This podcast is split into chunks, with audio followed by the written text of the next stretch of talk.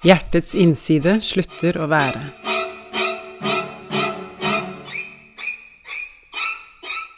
Natten jeg mistet deg, hadde fremdeles ikke naken musikk gjort brystvortene mine til sommer på sanddynene. Kroppens melankolske tråder var ennå ikke triste.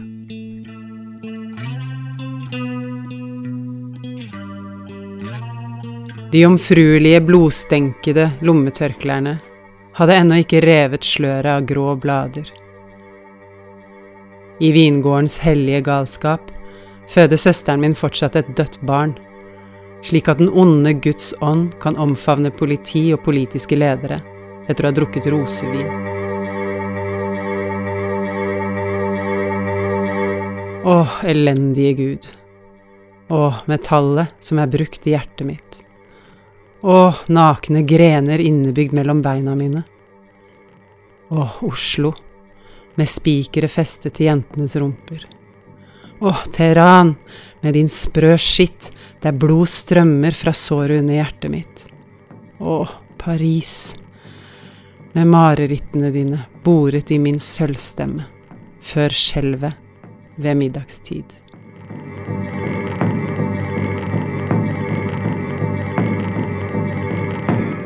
Overvinn meg ved siden av fisk. Del meg opp under valnøttrærne. Varm meg opp, brenn meg, slipp meg i valmuejus. Gjør meg gravid igjen i anspent muskelstagnasjon. Jeg vil se hudtap i armene dine. Jeg vil helle den konsentrerte honningen over ryggen din, i avgrunnen av kjøttet mitt.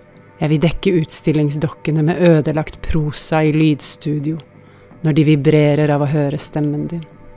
Er det da? Er det lys i munnen din? Kommer opiumsfrø ut av øynene dine i mørket? Tar du unge jenters menstruasjonsvaner inn i ville melodier i mild fyll?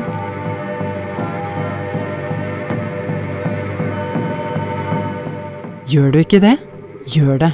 I neste revolusjon vil jeg kaste alle systemene som synger den myke sangen om brorskap og søsterskap i sine utstillingsvinduer, inn i graven til profetenes lik.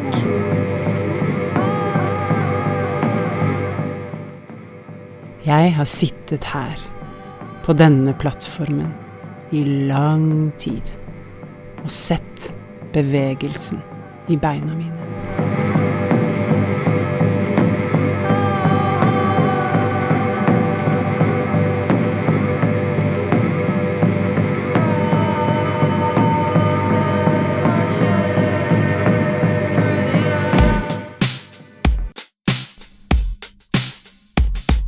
Sara Camille Ramin Osmotsen. Hun begynte med en ønskejul. Hun ønsker seg lillebror eller å synge i kor. Så etter hvert blei mye ord, i både sang og scene.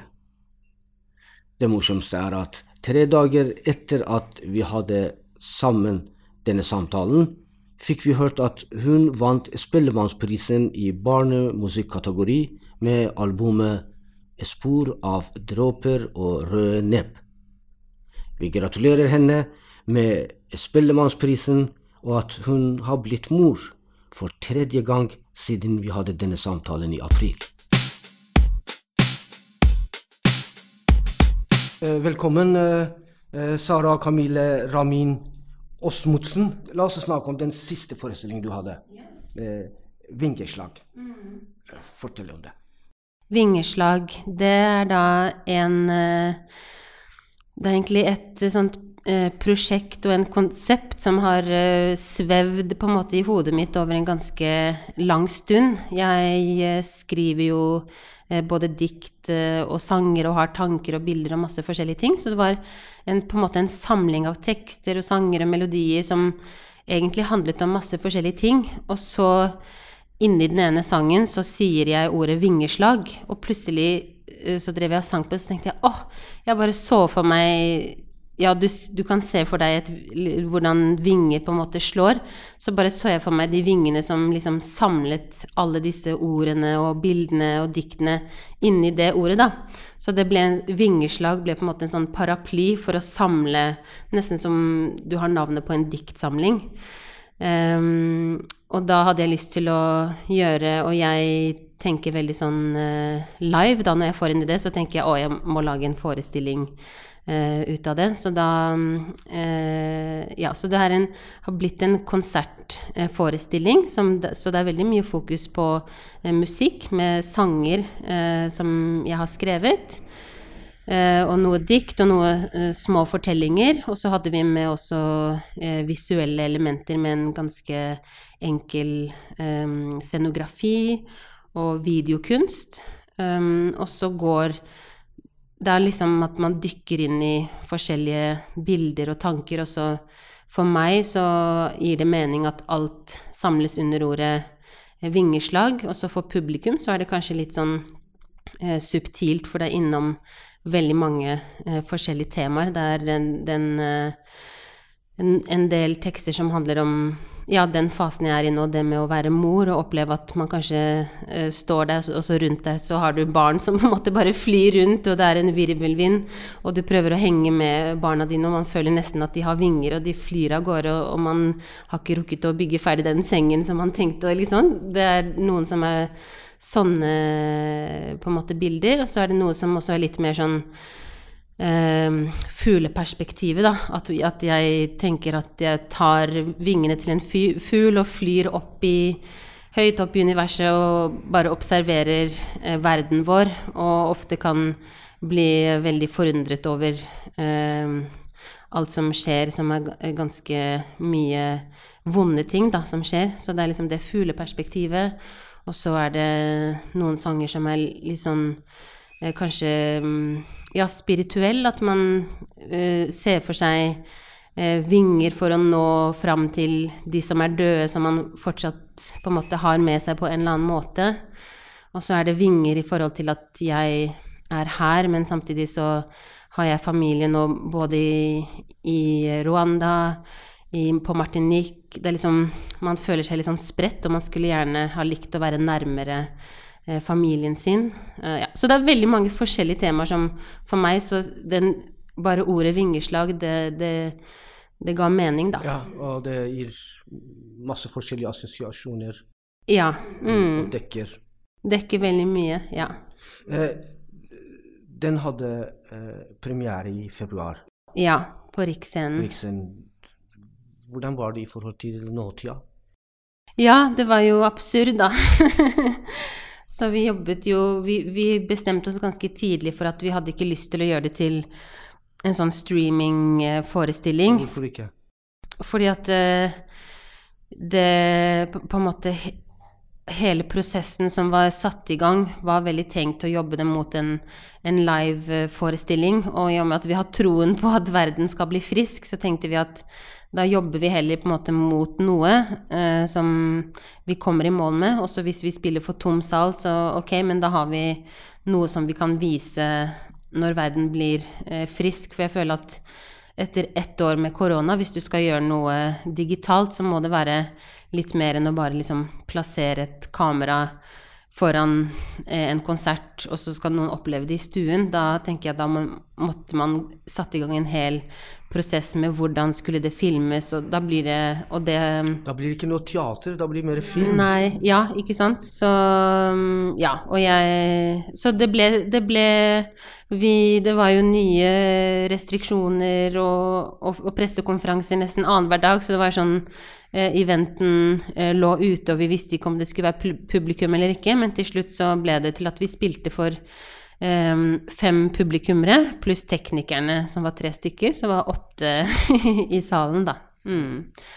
Så, men jeg er veldig glad for at vi fikk gjennomført det, og Riks, eh, det er jo en eh, produsert eh, sammen med Riksscenen, og de også var veldig opptatt av at de nye produksjonene de jobber med, skal man eh, fortsatt gå i mål med, selv om verden ser ut som den ser ut, for det gir, Det gjør at uh, kunstnere holder seg aktive og kreative. Det gjør at teknikere får gå på jobb, og inspisienter, og liksom at huset blir levende, og det skjer ting. Eh, selv om det var litt sånn Ja, det var, det var eh, spesielt også fordi at mange av temaene i de tekstene handler litt sånn om den eh, avstand, da. Så det ble litt sånn dobbelt. det var det jeg skulle spørre, hva var, hva var innholdet? Ja. Så det, det, er innholdet i, i, den forestillingen. Det er jo da en samling av eh, Det er nesten som en sånn mosaikk, da, av masse forskjellige eh, dikt og sanger. Som du har skrevet? som jeg har skrevet, ja. Som går eh, Så det er liksom alt fra en eh, en, en en, kanskje en, sang om sorg, og så er det en sang som eh, handler om eh, rasisme, og så er det en sang som handler om eh, avstand til familie. Så det er, det er, på en måte ikke en sånn klassisk eh, narrativ at det, det, var en gang, og så avslutter det et sted. Det er litt mer sånn, sånn som jeg ser for meg vingeslag, da, at du flyr, og så lander du et sted, og så flyr du videre, og så er det det visuelle og, te og, tematikken som på en eller annen måte kobler det sammen. Mm. Eh, hvor mange musikere har du med deg? Tre musikere. Så da er det en som heter Sidiki Kamara, som eh, spiller eh, perkusjon, og en goni, som er sånn eh, strenginstrument. Vestafrikansk, eh, veldig fint eh, strenginstrument. Og så um, er det Jørn Erik Alsen Alkanger, som spiller gitar og bass. Og så er det Selma uh, French Bolstad, som spiller uh, fele og fiolin. Så um, det var en, også en ny besetning for min del da, å jobbe med. Det var veldig Ja, det er veldig gøy. Veld, jeg liker veldig godt det lydbildet som det blir til sammen. Eh, eh, vi håper at vi er tilbake til det normale, å si. ja. så vi, vi, får se i hvilken form av normalitet er vi tilbake til. Men, men, har du fått signaler på at det er mulig å spille det? Ja, vi har jo Igjen? Ja, det har vi. Og vi skulle jo egentlig spille den i Kristiansand, på Kilden, i ja, egentlig Jeg skulle ha vært på vei dit i dag, og vi skulle spilt i morgen. Men eh, Eller vi skulle ha vært på vei Nei, ja, vi skulle spille i dag i Kristiansand, men eh, vi skal spille der i november. Um, og ja, så det blir når verden åpner, og når jeg har fått litt tid med babyen min, så skal vi etter hvert uh, spille det for folk, da. Og så driver vi og spiller inn det som album. Mm. Jeg regner med at du kommer å ha en del måneder med mammaperm? Ja. ja. ja. Uh, vi kommer tilbake til den framtida. La oss gå tilbake. Tilbake i tid? Ja. I ja. og se hvordan starta hele Hele greia. Ja. Var det en, en, julønske? ja, det var det. Det var uh, Ja. Det, jeg, had, jeg, har uh, i hvert fall det som jeg husker, da, at jeg fra ganske tidlig så var jeg veldig sånn uh, glad i musikk. Og vi, mamma og pappa, jeg syns at de har veldig god musikksmak, og de spilte alltid veldig mye fin musikk hjemme og i bilen på vei til skolen eller sånne ting.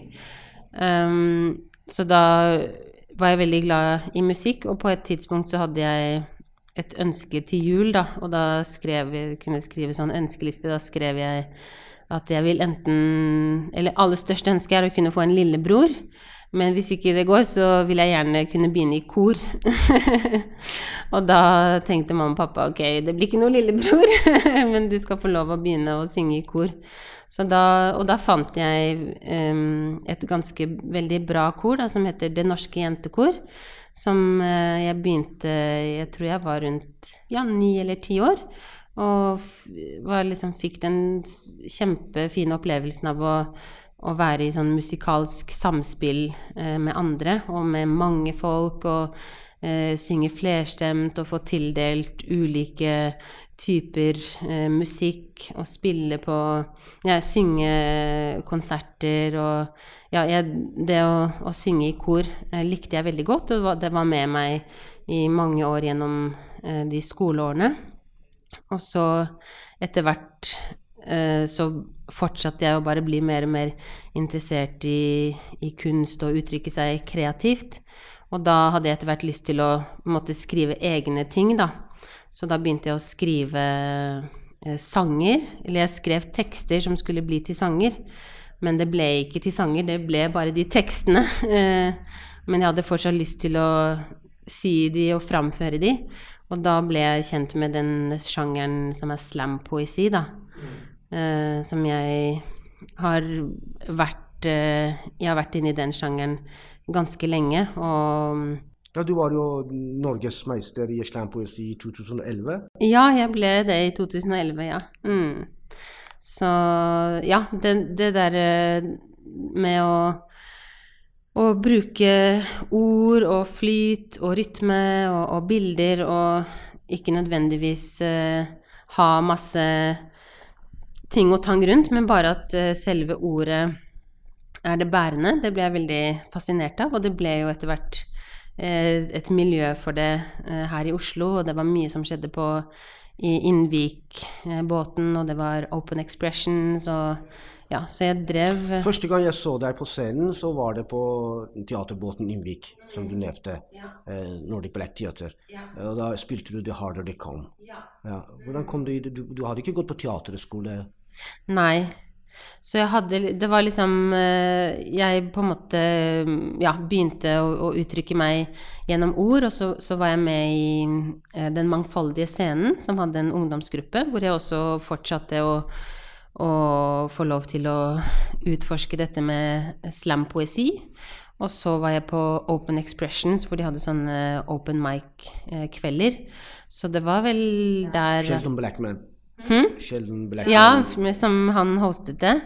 Um, etter, og etter hvert så begynte jeg jo å kore i bandet til uh, Sheldon Blackman. Men det var i hvert fall der at uh, Cliff um, uh, også, tror jeg, så meg, og, og, så ble invitert på en audition til The Harder They Come, og så fikk jeg den rollen, da. Det var liksom min første opplevelse å, å være med i en, i en større proff teaterproduksjon, så det var jo ja, veldig stor opplevelse. Men den slutta ikke der? Nei, det var liksom starten. Og min, jeg husker det var min første faktura også. jeg husker etter den jobben så sa Cliff um, ja, nå eh, går du inn i det profesjonelle livet, da må du opprette foretak og Så da det var liksom den første det var, Ja, det husker jeg veldig godt. Første, første faktura jeg sendte, sendte til, til uh, Nordic Black Theatre for The Harder They Come. Hva skjedde etter den? Etter det så um, var jeg jo Ja, jeg gjorde veldig mye egentlig forskjellige ting, men alltid hvor ord Uh, ord og tekst var på en måte min uh, base da, og komfortsone, og der hvor jeg bare fortsatte å, å, utforske og skrive, men veldig mye sånn jeg-fortelling, da, ut ifra hva jeg tenker og mine opplevelser, og, og skrive det i den uh, slam-formen. Så, så begynte liksom å egentlig ja, ha bli invitert på et seminar og opptre der, og en konferanse og opptre der, og så være med på kanskje noe teaterstykker. Altså det blir jo I og med at det ikke var I hvert fall da jeg begynte med det, så var det jo ikke en egen scene bare for slampoesi. Og det egentlig var veldig fint, for da hver gang eh, jeg var i det uttrykket, så var det alltid i sammenheng med dans eller med teater Eh, film, så jeg var liksom alltid i kontakt med alle eh, har mange ulike eh, uttrykk. Så jeg har gjort veldig mange spennende prosjekter og jobbet veldig mye med Nordic Black Theater. Og så en gang så ble jeg invitert til Fortellerfestivalen, som hadde mm, på Dramatikkens hus, og der var det en uh, storyteller, uh, en forteller da, som heter Jan Blake, som er fra, opprinnelig fra Jamaica, men hun er eh, basert i England. Og hun spesialiserer seg på karibiske og afrikanske folkeeventyr. Eh, og da skulle hun ha en masterclass i storytelling, og jeg så det masterclass og ble veldig eh, nysgjerrig på det. Og søkte om å få være med på den masterclass, og da tror jeg at i utgangspunktet eh, så var hun litt skeptisk, fordi hun ville heller jobbe med folk som jobber med fortellerkunst, ikke folk som jobber med slampoesi. Men jeg fikk lov å komme på kurset, og det åpnet liksom en helt ny verden for meg, da, å kunne bruke eh, stemmen min og formidlingen min og ordene eh, ikke bare på å fortelle og formidle mine egne tekster, men å gjenfortelle eh, eventyr og fortellinger som, som, på en måte finnes eh, fra før, som er et stort eh, skattekammer. Og i tillegg så var det veldig sånn på, på, et personlig plan, da, det at hun kom eh, fra eh, Jamaica og har den eh, kunnskapen om karibiske fortellinger, og jeg selv, moren min er karibisk, så det var jo også en sånn nysgjerrighet, og jeg syns det er så mange veldig spennende karibiske eventyr. Så da ble jeg veldig sånn ja, jeg var på det kurset og ble veldig fascinert og bestilte masse bøker fra Amazon med samlinger av folktales eh, og veldig sånn fra karibisk, da. Og ringte bestemoren min og spurte om hun kunne hjelpe meg å oversette ting, fordi jeg fant masse spennende historier. Eh, og begynte også gjennom det å gjøre veldig mye for barn.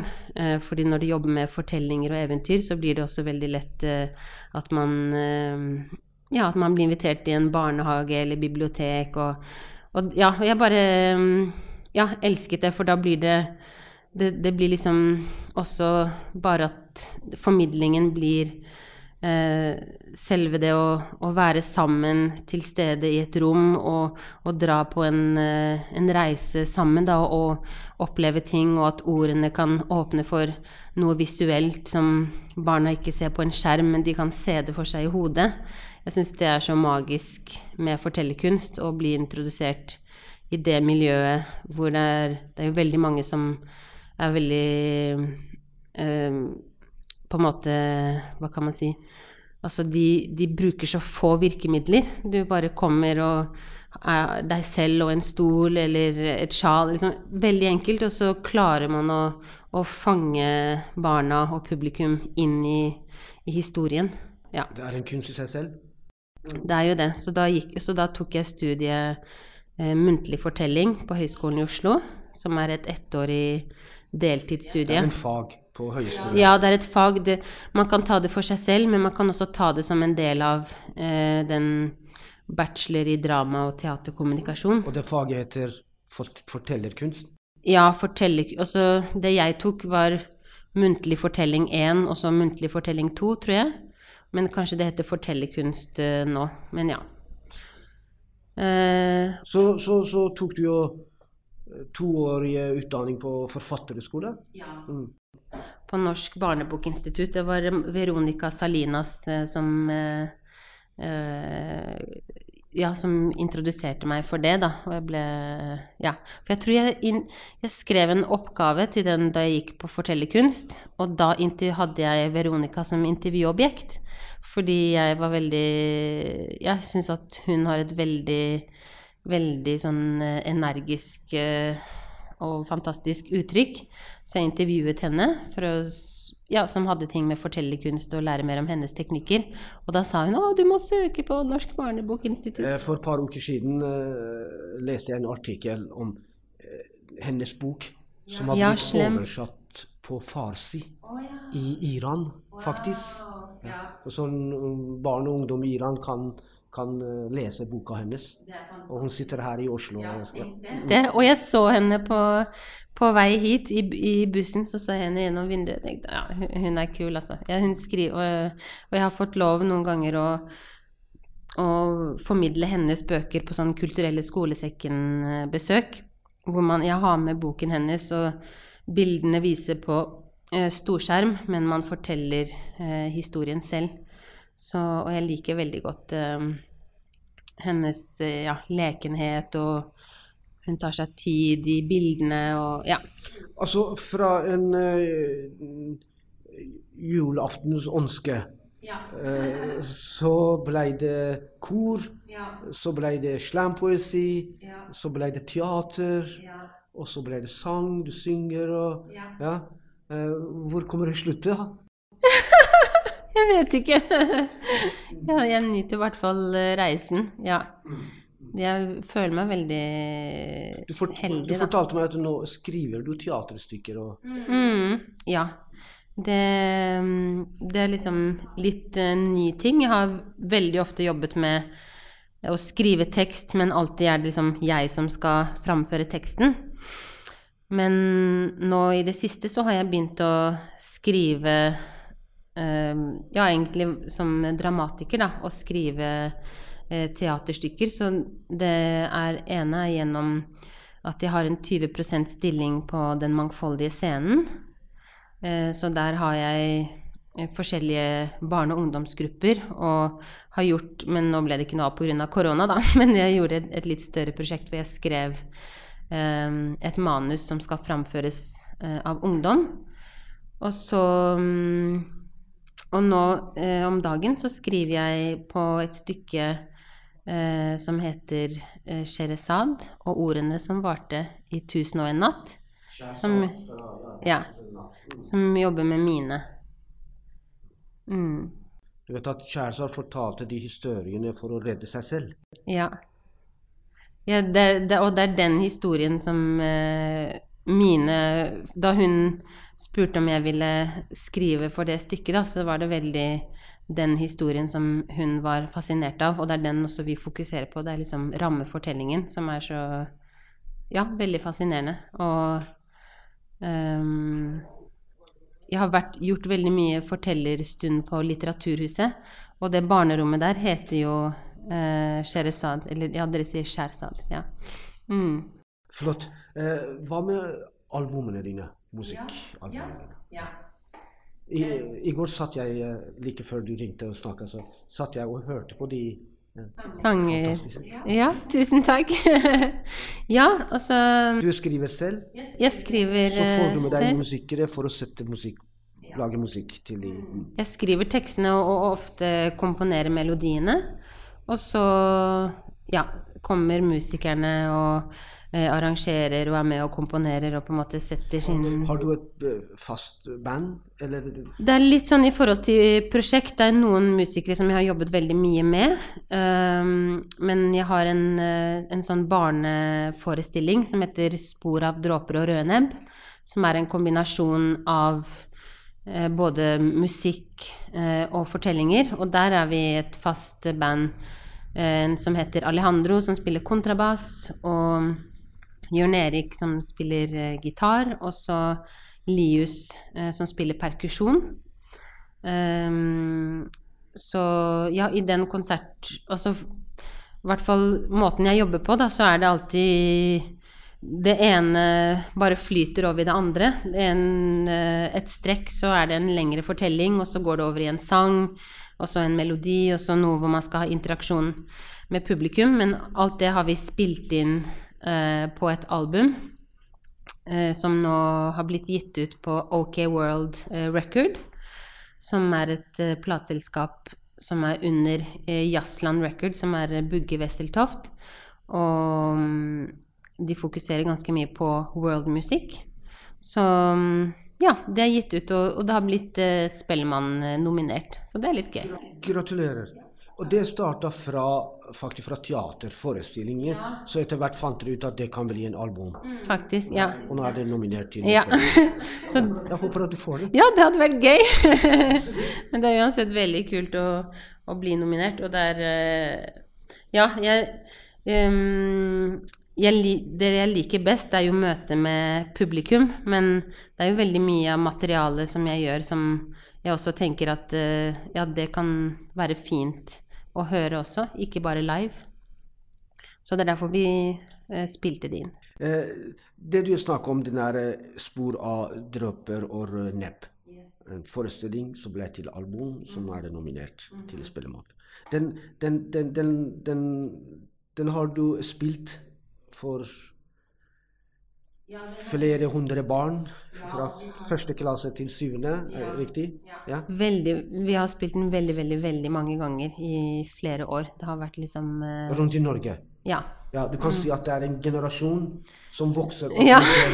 med, med, med, med, den eh, spor av Dråper og rødnebb. dråper. Ja, faktisk. Mm. Ja.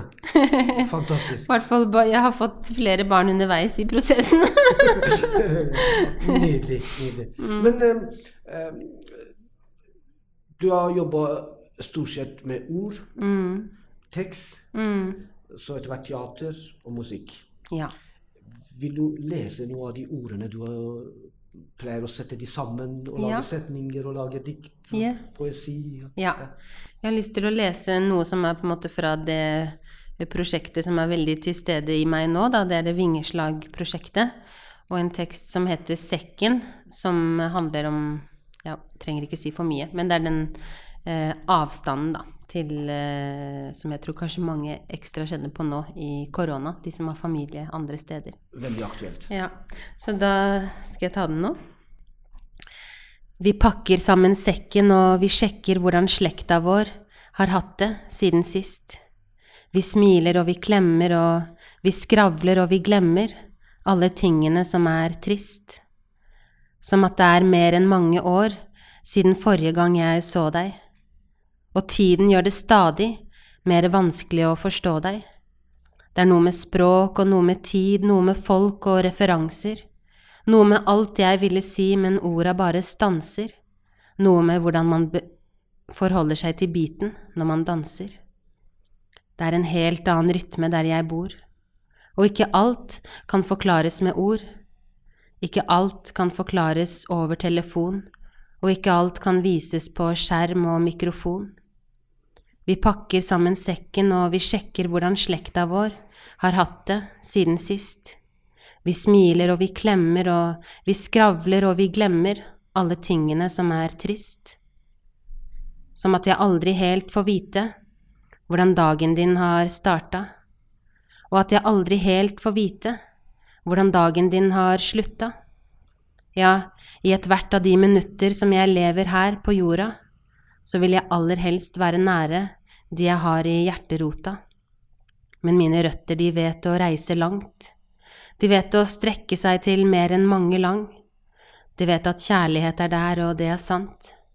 De vet at sorgen, den er der, og den er også veldig sann. Jeg vil kysse deg gjennom store osean, klemme kloden sammen som jeg klemmer deg hver gang. Vi pakker sammen sekken, og vi sjekker hvordan slekta vår har hatt det siden sist.